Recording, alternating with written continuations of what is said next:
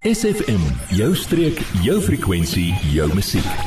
Nou, ek het weer vir Fred Orban in die ateljee. Dis net na 11 tyd vir van van, van kus tot kruin. Fred, welkom by ons. Môre maak lekker somersdag hier in Mosselse Baai.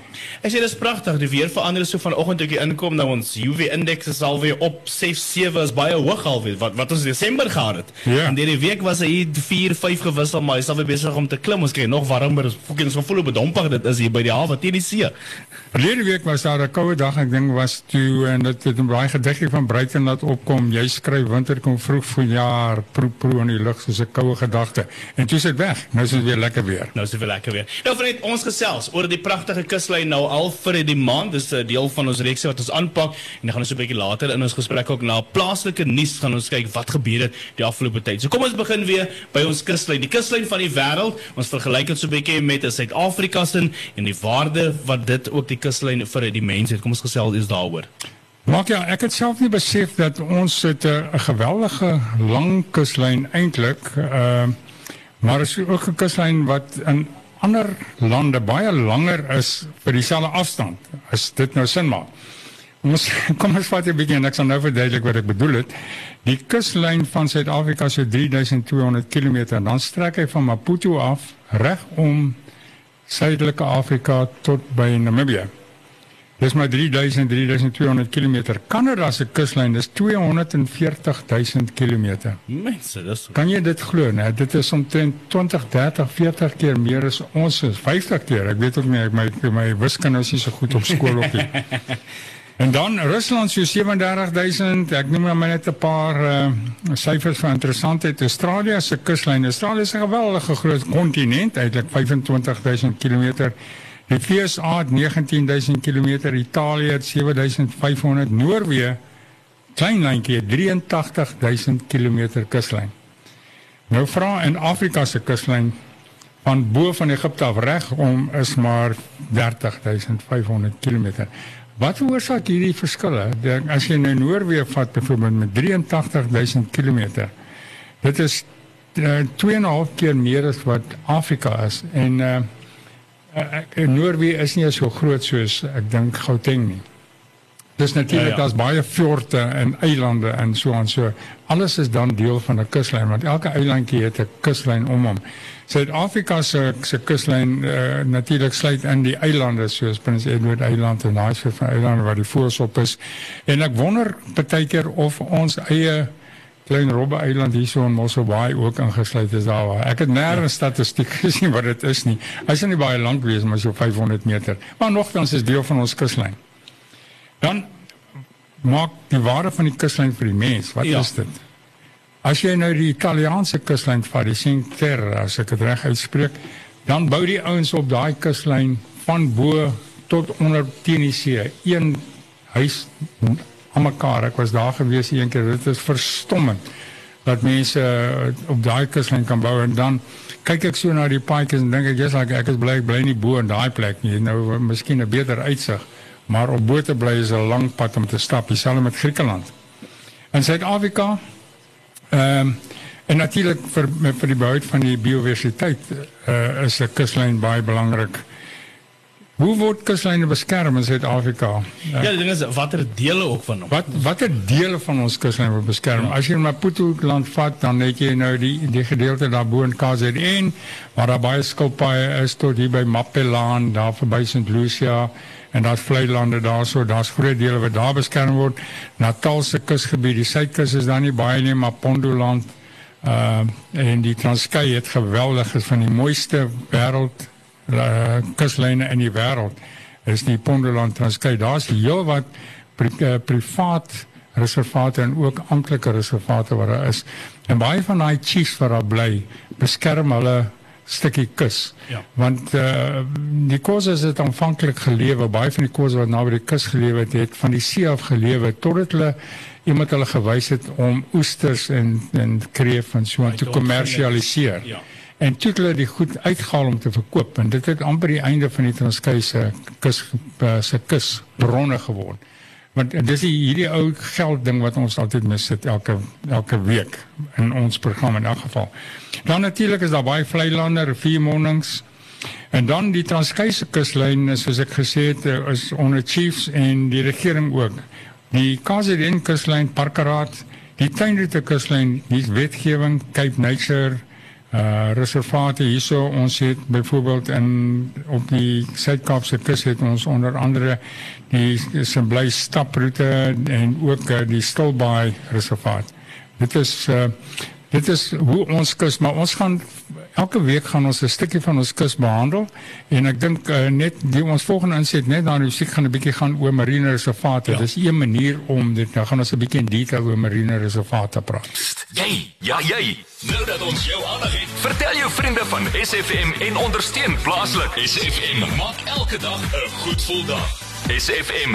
Dit is 22 minute net na 11 dis van Kus tot Kruin as jy pas by my aangesluit het met my is dit 'n Fred Orban wat binne in die ateljee is soos elke donderdag. Nou Fred, ons het al begin bietjie gesels oor die kuslyn van die wêreld vergelyking met Suid-Afrika se en die waarde daarvan vir die mense en watter dele van die kuslyn word beskerm. Ons is so ligtig daarin geraak. Maar nou beweeg ons na die marine reservate in Suid-Afrika. En ons wil spesifiek fokus op ons gedeelte, die tuinroete deel en die doel ja. en die funksie van dit.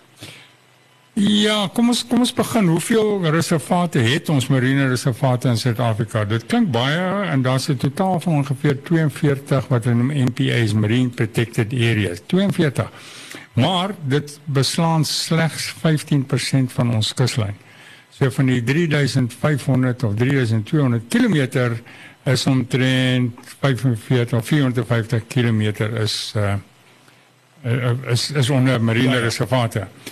In die, in die wêreld is die wêreldgemiddelde tussen 1 en 7%. Jy weet so van die 1.6 miljoen kuslyn wat die wêreld uit bestaan is omtrent net so 1 na tussen 1 en 7%. Dit hang af. Hulle hulle is nooit seker oor daai presiese getal nie.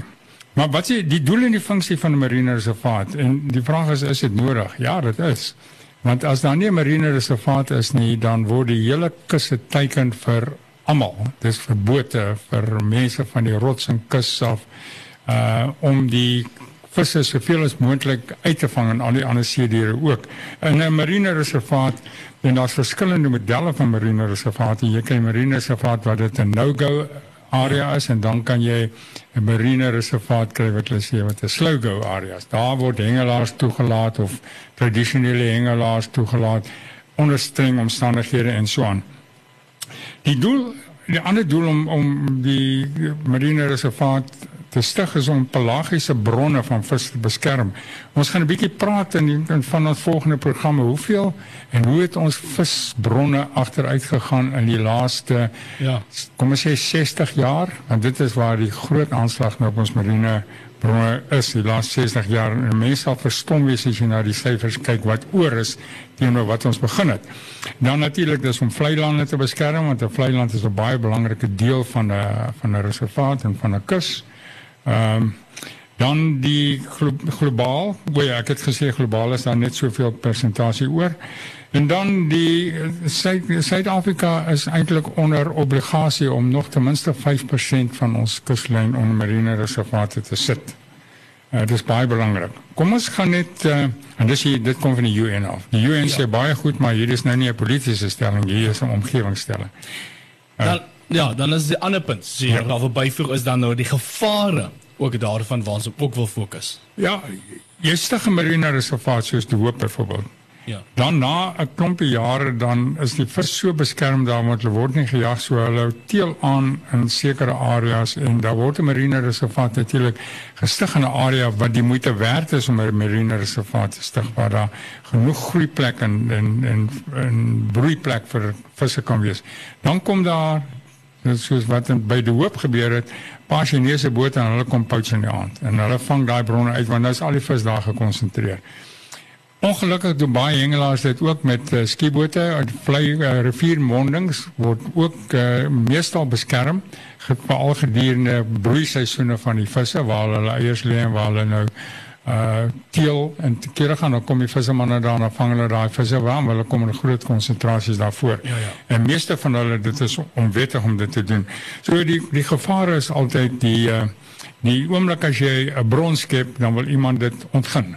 Jy weet en dit word wettig of onwettig gedoen. Nou in ons area net om bietjie op te som wat se uh, marine reservate is hier. Kom ons begin by Stilbaai. Stilbaai is 'n klein marine reservaat. Daar spraak al die laaste paar jaar om die kusgebied tussen Stilbaai en Gouritsmond onder 'n marine reservaat te sit, maar dit vat baie jare om dit reg te kry, maar ek wens ons kan dit doen. Dan gaan die, ons visbronne baie verbeter in die Mosselbaai area ook. Want die uh, dit is maar 'n teelaarde. En dan uh, is natuurlik daar ander bewarings wat gedoen word as privaat bewaring, staproetes is 'n manier om die kus te beskerm. Eystervarkfontein se uh, ja. vereniging en so aan. En dan natuurlik 'n baie groot beskermingsfaktor wat 'n uh, klompie jare terug plaasgevind het waar ek baie betrokke by was en baie onpopulêr was, is die verbanning van strandvoertuie. Uh van dit strandvoertuie uh, verban is, die kusgebiede op baie afgeleë dele geweldig baie vermeerder in die bronne wat jy van die see af kan van akbroe van die land af kan vang. Word deel van ons Facebookblad vandag nog facebook.com vorentoe skuinstreepie sfm streek. Bring ons dan by ons plaaslike nuusafdeling en of Fred ons het nou dit goed gedink om elke week te kyk wat maak nuus plaaslik. Ons fokus plaaslik op ons Bavaria, ons het baie uh, see lewe aktiwiteite ook hier soms ons robbe wat uitspoel, ons het walvisse op ons kuslyn en al daai. So plaaslike nuus, waar fokus ons vandag? Uh ek het gisterand of vanoggend op een van die groepe wat ek behoort, daar 'n foto verskyn van 'n sonvis wat uitgespoel het op uh Hartbeespoort. Nou sonvis is 'n uh, amper soos 'n soos 'n skyf, soos 'n amper 'n frisbee met 'n paar vlekkies aan en dan 'n klein bekkie. Nou ja, daai sonvis, ek weet nie hoe groot hy is nie, maar daar was nie 'n skaal by gewees nie. Maar die die sonvis word vanaf 1 meter tot 3 meter groot en dan kan hy 2 ton weeg. En hoekom hulle sonvis noem hy lê naby die oppervlakte en dan draai sy lyf om die son op te vang sodat hulle al die die uh goeters die mossels en die en die groeisels op sy lyf kan ja, dat die son dit kan verwyder. En dan ehm um, Die Bavaria doen groot werk hierso. Daar is die 23ste Maart 'n Bavaria forum vergadering daar by Sandpiper in Bochums Bay en ons sal 'n week daarna sal ons 'n bietjie daaroor gesels ja. oor die almal, maar kom ons sê net vlugtig groot brakse bydra weer van die uh, gemeenskap mense die uitheemse bome verwyder en plante verwyder daar om en by die stasie. Midbrak uh dit is staande span wat lyk my skoonmaak uh, aan daai groot erwe wat lê wat oop lê Hulle stel strikke op. Daar was toue en nette wat op die strand uitgespoel het wat die gemeenskap opgetel het in samewerking met die munisipaliteit. Ek moet sê Mosselbaai munisipaliteit werk geweldig goed saam met die gemeenskappe daar. Danabaai natuurlik uh, wat 'n baie sensitiewe strand het vir die swart tobies, maar daar's 'n groot probleem want voertuie wat jag in die strate en dan word die bokkies doodgery en raak gery. So baan Danabaai bewaar jy nou weer 'n ander uh, aanslag op hulle bronne as wat miskien Midbrak het. Frans van Zoek, ja, is natuurlik die permitte, die navorsing, die roving crew uh, verslae wat hulle doen. Hulle vat is wat meters per slag en dan kyk hulle wat se uh seekosse en wat se see diere is daar in daai een of vergelyk dit met laas jaar se en volgende jaar se kan op daarop. En dan is daar Varkfontein wat uh, oogie hou op onwettige vangste daar op hulle kus want Eystervarkfontein is die kus tussen Gourikwa en uh, Stobba en dis natuurlik 'n kus waar daar baie visbronne en baie skopbronne is. En dan natuurlik die Nysna seepertjies wat ook uh, uh, na gekyk word deur die uh, standlope projek. Ons is baie bly vir hierdie mense se deelnames en uh, ons sal vir julle binnekort 'n uh, bewaarde forum verslag gee van wat die aktiwiteite van al die bewaarders ons deel van die kus was die laaste jaar. Daar sê en dis waarvan ons tyd het vir vandag. Fred baie baie dankie vir wat jy doen, jou passie ook vir die bewaring van ons pragtige pragtige tuinroete. Ons waardeer. 'n Lekker dag vir jou verder. Ons gesels dan weer volgende donderdag. Baie dankie, Mark. Adverteer jou besigheid vandag nog op SFM. Vir meer inligting skakel SFM gerus by 044 801 7811.